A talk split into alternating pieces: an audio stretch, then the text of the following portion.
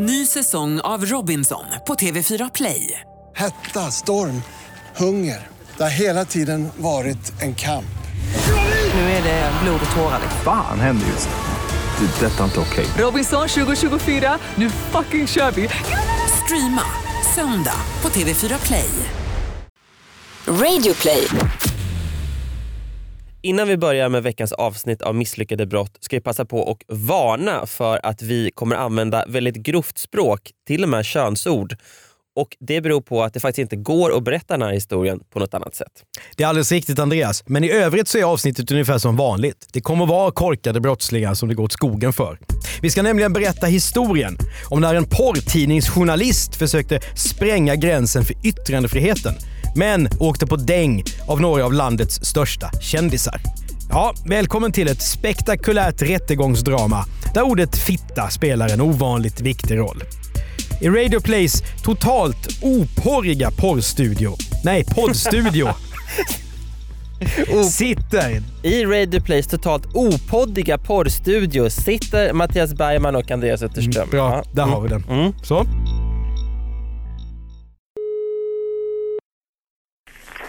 Ja.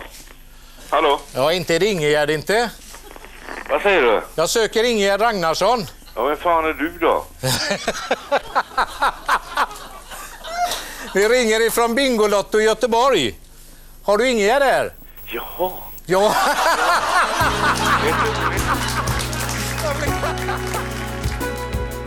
Januari 1992. Bingolotto med den före detta handbollsdomaren Leif Loket Olsson lanseras och gör miljoner av svenskar till dansbandsnynnande lotterizombies. Stockholm förvandlas till en stad i skräck när Lasermannen skjuter mot benborgare som blir svårt skadade. Sveriges största tidning heter Expressen. Den gigantiska söndagsupplagan trycks i 640 000 exemplar. Det är lika otänkbart idag som den rörliga boräntan var vid den här tiden. För den var nämligen 15 procent. Hade den varit det idag så hade tre miljoner svenskar fått gå från hus och hem. Om man nu inte är sugen på att läsa Expressen eller titta på Loket utan har lite annan smak i sina medieval så är en av tidningarna man kan hitta i sin lokala kiosk Svenska Hustler. Den är i och för sig lite mindre än Expressen. Upplagan är 32 000 tidningar. Men så är det här också en riktigt grov produkt. Till och med inom sin genre, alltså porrtidningsgenren. Ett exempel på vad tidningen ger sina läsare i början av 90-talet kommer här, elokvent uppläst av Andreas Utterström. Bildserien visar en man som hugger huvudet av en kvinna. På kvinnans hals sätter han dit huvudet från sin älskarinna som omkommit i en bilolycka. Därefter har mannen samlag med kroppen. Mm, smakfullt, men kanske inte så konstigt med tanke på att svenska Hustler kommer från den amerikanska utgåvan Hustler, där, som grundades av eh, Larry Flynt 1978. Och det här Andreas verkar du vilja prata mer om. Ja, men det här är ju fascinerande för det här är ju dokumenterat i den här filmen om Larry Flint. Och, eh. Tidningen skapade stor skandal med ett omslag där en kvinna mals ner i en köttkvarn och till rubriken “We will no longer hang women up like pieces of meat”. Och Flint var ju för övrigt en person som dök upp en gång i en rättegång med en t-shirt som det stod “Fuck this court” på. Så en person som så att säga gillar att spränga gränser.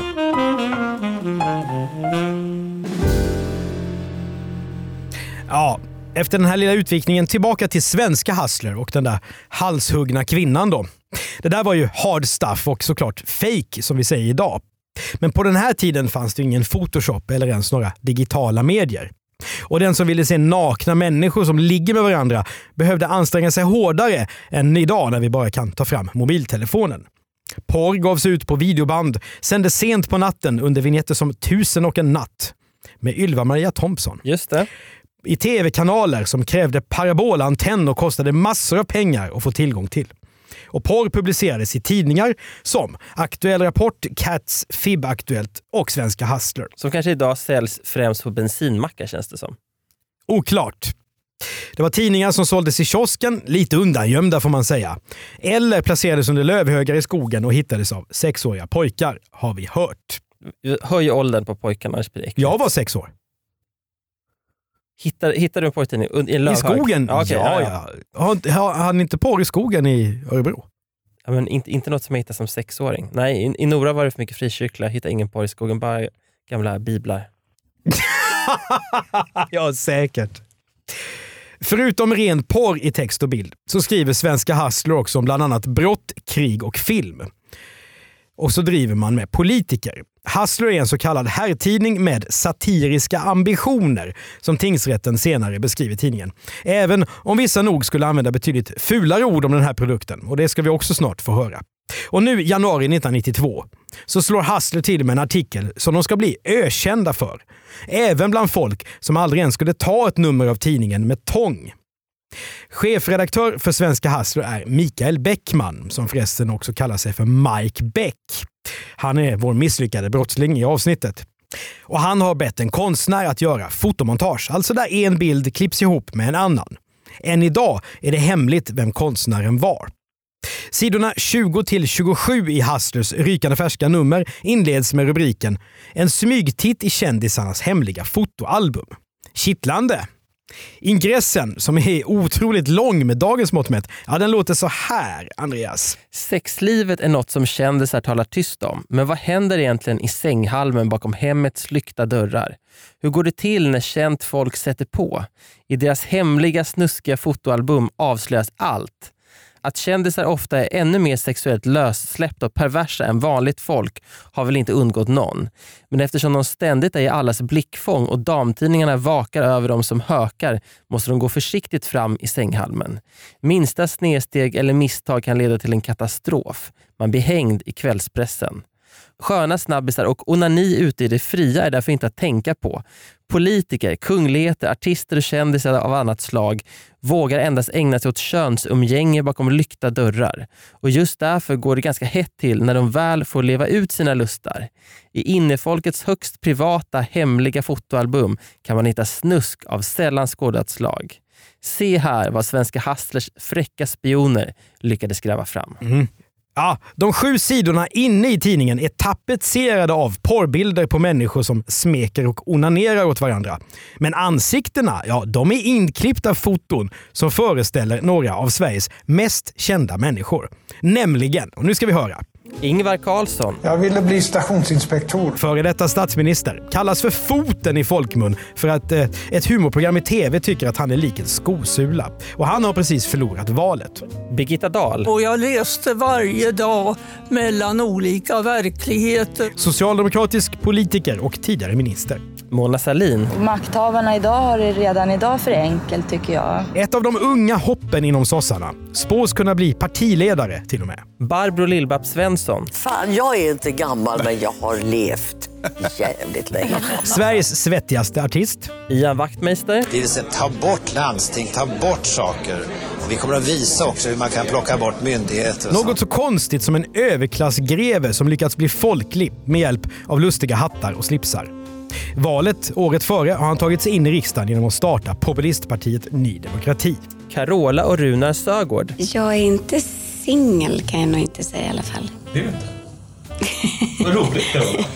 Grattis måste jag Sveriges kanske mest kända sångerska och hennes man som är predikant och landets kanske minst omtyckta norrman. På bild i reportaget är också Ians politikerkollega, entreprenören Bert Karlsson, kungen och drottningen samt Stig Malm som är LO-bas och betongsosse och som också är känd för att just ha använt ordet fittstim. Idag är de här kändisarna kanske inte så heta, men 1992 är de gigantiska. Om någon hade gjort något liknande idag så hade det varit med personer som Zlatan, Leif GW Persson, Annie Lööf och Sara Larsson. Människor som varenda svensk känner till, oavsett om de konsumerar porr eller inte. Vad man inte vill se det. Ja, men Zlatan och Leif GW. Ingen har särskilt höga förväntningar på Mikael Bäckman och hans tidning. Om de överhuvudtaget erkänner att de läser Hustler. Men nu blir en privatperson upprörd över fotomontaget och anmäler tidningen till justitiekanslern. Och det är ju någonting som vem som helst kan göra. Ska vi beskriva lite mer hur de här sidorna i porrtidningen ser ut, Andreas? Ja, det kan vi väl göra. Ja, jag har tingsrättens eh, beskrivning här. Ska vi se. Ja, vi kan ta något exempel här. En bild på sidan 23 visar Barbro Svenssons ansikte som fogats samman med en annan kvinnas kropp. Två nakna män finns bredvid kvinnan. Bilden är skuren så att männens ansikten inte visas. Kvinnan håller i sina händer männens penisar i erigerat tillstånd. Den till bilden hörande texten har följande lydelse. Det bästa jag vet är handarbete. Det är faktiskt lite roligt. Ja, är det något mer? Vad- vad gör- Ska vi ta vad- en till? Ja, ta något om Carola. Du fattar lite vad vi Ja. är. Vi kan ta Mona. Mm, I nedre högra hörnet på sidan 22 och nedre vänstra hörnet på sidan 23. En bild av Mona Salins ansikte som genom fotomontage fogats samman med en kropp med spetsunderkläder och bara bröst. På samma bild finns en mansperson som smeker kvinnan på bilden. Bilden har texten “Det hade gått bättre för oss om du sett ut så här på valaffischerna, Mona”. Ja. Det var inte så kul. Nej, inte så smakfullt heller kanske. Ny säsong av Robinson på TV4 Play. Hetta, storm, hunger. Det har hela tiden varit en kamp. Nu är det blod och tårar. Fan händer just det. Det är detta inte okej. Robinson 2024, nu fucking kör vi! Streama söndag på TV4 Play. Ett poddtips från Podplay. I fallen jag aldrig glömmer djupdyker Hasse Aro i arbetet bakom några av Sveriges mest uppseendeväckande brottsutredningar. Går vi in med hemlig telefonavlyssning och, och då upplever vi att vi får en total förändring av hans beteende. Vad är det som händer nu? Vem är det som läcker? Och så säger han att jag är kriminell, jag har varit kriminell i hela mitt liv men att mörda ett barn, där går min gräns. Nya säsongen av Fallen jag aldrig glömmer på Podplay. Nu polisanmäler också de här kändisarna Mikael Bäckman. De är rasande. Ingen svensk tidning har gjort någonting liknande tidigare. Bäckman, eller Beck, eller vad han nu vill kalla sig, har gått för långt. Reportaget kallas för vedervärdigt. Bara kungaparet Stig Malm och Bert Karlsson låter saken vila. Bert tycker till och med att sånt här får man tåla om man är kändis.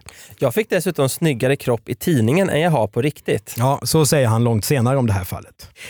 Ingvar Carlsson, ja han är extra utsatt. För när nästa nummer av Svenska Hustler kommer ut, nummer två 1992 alltså, har Ingvar fått ett eget reportage under rubriken “Svenska fittor”. Det är så jävla lågt. Där ligger en teckning av Ingvars avlånga ansikte ovanpå en naken kvinna så att hans huvud täcker och förlänger hennes skrev. Tidningen skriver Oftast menar dock folk töntar, fjollor, fegisar och rena jubelidioter när de pratar om fittor. Här ska vi försöka komma några rejäla fittor in på underlivet. Ja, och bildtexten på Ingvar Carlsson lyder En rejäl fitta, den värsta, som basade för en hel drös med fittor. Får man skriva sådär? Det här är ett skymfligt beteende, tycker Ingvar i sin polisanmälan. Sju svenska superstars versus en porrtidningsredaktör. Och nu blir det high life i medierna så att tyllgardinerna fladdrar i de blågula köksfönstren. Våren och sommaren, medan Lasermannen grips och Stig Malms Fittstimsuttalande väcker megadebatt, väntar alla in tingsrättens förhandling där också en tryckfrihetsjury ska säga sitt. I grund och botten så handlar det här målet om någonting väldigt intressant. Det tycker i alla fall Andreas och jag. Vad är okej att publicera om andra? Tryckfrihet är någonting som vi i Sverige värderar väldigt högt. Men någonstans går ju gränsen. Frågan är om Svenska Hustler har gått över den eller inte. När det här hamnar i domstol så blir det här förstås en ganska torr historia. Som alltid, det handlar om att definiera ord. Vad är en uppgift? Vad är ägnat åt att skapa missaktning? Men det här målet är trots allt, som reportrar brukar säga, sexigt. DNs ledarsida skriver om riskerna för det pressetiska systemet om Hassler skulle frias. Hypotetiskt, teoretiskt, det är inte så kul, men det är viktigt. Expressens motsvarande ledarsida lyfter fram hur Mona Sahlin och Birgitta Dahls vittnesmål i rätten sätter fingret på hur kvinnliga politiker utsätts för trakasserier. Och fotografen som har tagit bilderna på kändisarna som Mikael Bäckman har publicerat, han är förbannad och vill ha pengar. När de kända svenskarna framträdde i Stockholms tingsrätt hösten 1992 så levererar de mycket starka känslor. Carola är nära gråten och talar om hur många barn som har henne som idol.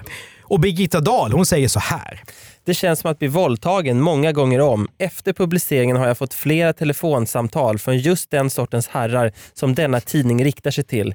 Jag får höra beskrivningar om hur dessa herrar föreställer sig att de umgås med mig. Mona Salin berättar om hur hennes dotter har kommit hem och frågat om hennes mamma är med i en porrtidning. Jag var tvungen att kräkas. Säger Mona. Ian Wachtmeister gör ingen besviken med sin yviga stil. Han dänger en hel hög med hustlertidningar i bordet i rättssalen och utbrister. Den här tidningen rör sig på en nivå som ligger sju våningar under gamla tiders drängkammare. Och Lill-Babs, hon sköter sin egen slutplädering och talar för sin sak. Jag har varit artist i 38 år och fått utstå mycket. Jag tror att det är svårt för andra att förstå hur det är för oss kändisar att vara allas villebråd, att alltid vara rädd för att bli utnyttjad, att aldrig kunna gå någonstans utan att veta om man har rätt till sin frihet. Det var väl lite att ta i kanske? Ja, men det är därför jag tog med det här, därför att du vet ju själv hur det är. Eh, Det är jättesynd om dem ibland, men ibland så är medierna väldigt bra för dem att ha. Även om jag förstår att hon var upprörd över det här Såklart, förstås. såklart. Men här kanske det blev lite väl yvigt. Så som det ofta blir när man ska sköta sin egen slutplädering. Inget vi rekommenderar. Nej. När det handlar om juridik så ska det vara tydligt. Man kan inte både råna en bank och inte råna en bank. Men i Svenska Hustler-härvan så blir det komplicerat. För här ska rätten bedöma om hur hårt ett ord som fitta egentligen är. För lagen är gammal och skriven utifrån ord som tönt och jubelidiot. Mikael Bäckman är helt enkelt så modern att tingsrätten blir tveksam. Vad betyder fitta? Är det som Bäckman har gjort, är det förtal eller förolämpning? Är det fritt fram att använda sin yttrandefrihet och klippa ihop Lill-Babs på ett sätt så att hennes egen slagdänga Leva livet för en helt ny innebörd? Mikael Bäckmans advokat han heter Ingemar Folke och hans taktik är att det som Hassler har gjort är en del av tidningens arbete med satir. Och i herrtidningar är det tillåtet att vara smaklös, som Ingemar Folke säger. Som ni hör så är det precis samma taktik som komiker eller P3-program kör idag när de hamnar i hetluften för att de har upprört sin publik. Det är satir. Men politikernas advokat sluggar tillbaka. Hur ska en läsare förstå att sexbilderna är satir när inte ens Mikael Bäckman kan förklara vad det är utan tror att satir betyder skämt? Och det resonemanget är någonting som tingsrätten i Stockholm köper in på. Det är inte satir som Mikael Bleckman hållit på med, även om bildtexterna som han har skrivit innehåller, som rätten kallar dem, så kallade dåliga vitsar. Men det är inte förtal heller att göra Lill-Babs till dubbelonanist. Tidningen har ju skrivit tydligt att det är bildmontage. Det borde vara uppenbart för läsaren att det inte är Ingvar Carlssons och de andras kroppar, tycker tingsrätten. Däremot är det förolämpning. Enda syftet med att sätta in kända personers ansikten i de pornografiska bilderna förefaller vara att bryta monotonin i den pornografiska bildserie som tidningen tillhandahåller. Det är rätt mycket citat här, men det är roligt med den här kanslisvenskan. Det blir väldigt kul när, när jurister i domstol ska bedöma en porrtidning. Ja. Med det där språket. Ja. Det, det, men det måste ju vara så också. Ja, det kan inte vara på ett De- annat sätt, ja, men det blir en slags rolig kulturkrock. Mm. Sen har vi den andra publiceringen, den där Ingvar Carlsson kallas för, för fitta. Eh, Man hade ju velat vara med när de här korrekta juristerna sitter och ingående diskuterar det här. I domen så grottar tingsrätten ner sig i hur man egentligen kan uppfatta när någon kallas för fitta. Det används i folkmun även i andra betydelser än som en beteckning för kvinnans könsorgan. Mm. Men något förtal är det inte, säger tingsrätten. Det är bara ett skällsord så att säga. Ingvar Carlsson kan man noll.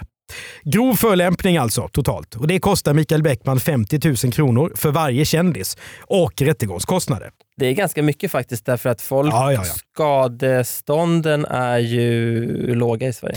Ända in i det sista så skapar det här målet en jättediskussion.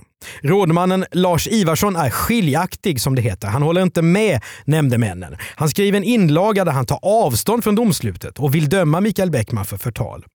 För turister och andra som inte kan svenska riskerar ju att se tidningen och så tror de att Sveriges förre statsminister är en porrgubbe, skriver Ivarsson.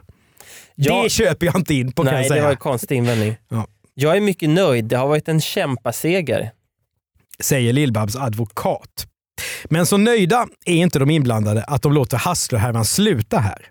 Varken kändisarna eller Mikael Bäckman känner sig riktigt rättvist behandlade.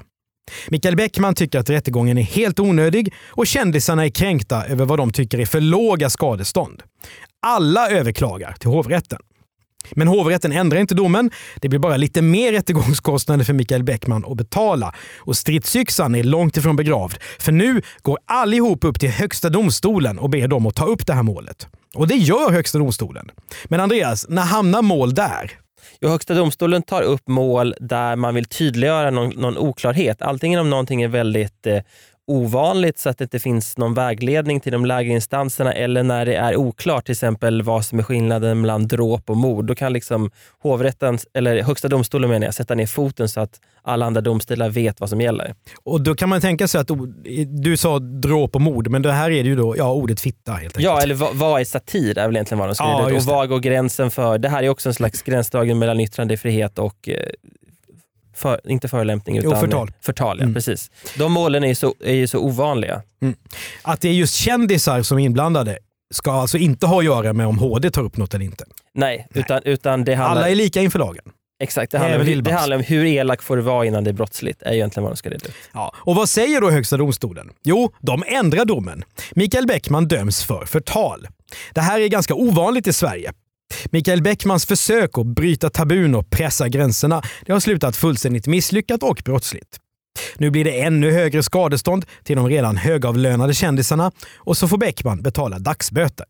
Och nu har det gått så långt som till den 16 november 1994. Mobiltelefonen blir årets julklapp och snart ska svenskarna få internet och en helt ny era inleds. Och medan Mikael Bäckman går till banken och betalar sina skadestånd så stäms en annan chefredaktör som sitter för porrtidningen Aktuell Rapport. Han stäms för nya falska porrbilder av skidstjärnan Pernilla Wiberg och programledaren Agneta Sjödin. Om det hade hänt idag, Andreas, hur hade det bedömts? Vad tror vi rent lekmannamässigt? Jag tror inte att det, att det hade blivit någon skillnad. Det, det intressanta som kan dyka upp det är nog vem som ska vara ansvarig för någonting som finns på nätet där det inte finns en ansvarig utgivare. För i tidningar måste jag ha en ansvarig utgivare och det är den personen som, som åtalas då om någon stämmer för förtal, som i det här fallet. Problemet är ju på olika eh, fluffiga eh, plattformar eller någon sajt som är registrerad i något annat land. Så här, vem är ansvarig för, no för något kränkande som någon skriver? Och där har ju liksom lagstiftningen inte hängt med riktigt. Ja, precis. Om Svenska Hustlers sajt hade lagt upp samma sak så hade ju Mikael Bäckman blivit dömd om han varit chefredaktör. Men om någon gör ett deepfake som man kan göra idag som är otroligt porträttlikt eh, och lagt upp på Flashback så är det en annan lagstiftning helt enkelt. Ja, eller om någon bara har- plåtat av alltihopa och lagt ut på sin face Facebook-sida. Vem är ansvarig då? Svårt! Ja, ingen aning. Hur som helst, vår go-to-advokat här i misslyckade brott, Leif Silbersky, han har såklart en åsikt om det här. Intervjuad i den feministiska tidningen Ottar. Det var ett vägvinnande mål för folk som hamnar i sådana här situationer. Man får inte manipulera in folk i situationer som kan upplevas kränkande. Ja. Vad hände då sen, Andreas? Lill-Babs fortsatte att kämpa på scenen tills hon dog 2018. Ingvar Carlsson satt som statsminister till 1996 då han pensionerades. Birgitta Dahl blev riksdagens talman och idag är hon pensionär. Carola Hägg... Ga- förlåt, bara bara säga. Ganska cool person faktiskt som jag tror är lite underskattad. Jag hörde en, en sö- söndagsintervjun med henne och hon var ju faktiskt, jag fick en helt ny bild av henne. Ja. Hon är en kvinna som har kämpat i en manlig värld. Ja, precis. Lo- långt, långt, långt innan metoo och eh, mainstream feminist.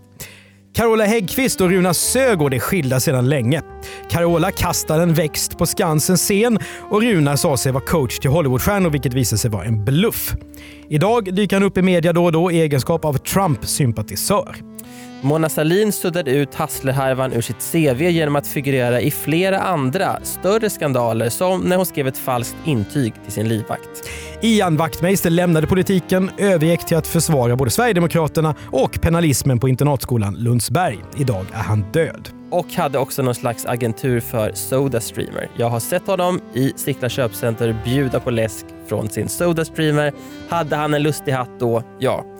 Eh, Mikael Bäckman är fortfarande sur över domen. 2012 sa han Skadeståndet var absurt högt jämfört med vad vanliga brottsoffer får. Dessutom tog kändisarna gladeligen emot skattefria porrpengar som skadestånd, men gav inte en krona till välgörande ändamål. Där har han fel dock. Enligt medierna så gav Ingvar Carlsson och Mona Sahlin faktiskt 10 000 kronor var till ett pris för fred mot rasism. Idag har svenska och internationella kändisar tvingats vänja sig vid både satir och rena elakheter som sprids, kanske inte genom svenska hustler så, utan på nätet. Men redan 1999, när långt ifrån alla svenskar via långsamma modem kunde koppla upp sig på nätet, så skrev Aftonbladet om en porrsajt som skändade kungafamiljen. Det var enligt hovets dåvarande presschef Elisabeth Tarras Wahlberg den grövsta kränkning som kungafamiljen råkat ut för. Eller så var det bara satir. Du har hört ett avsnitt av Misslyckade brott med mig, Mattias Bergman och Andreas Utterström. Exekutiv producent är Jonas Lindskov. När vi inte gör den här podden så kallar vi oss för commercial content och hjälper bolag att berätta om sig själva. Vi har också skrivit en bok som heter precis som podden Misslyckade brott. Köp den där böcker finns. Prenumerera på podden och betygsätt oss gärna i iTunes så är det fler som hittar till podden. Och mejla oss med tips på fall som du vill höra till misslyckadebrott bplus.se. Thank you.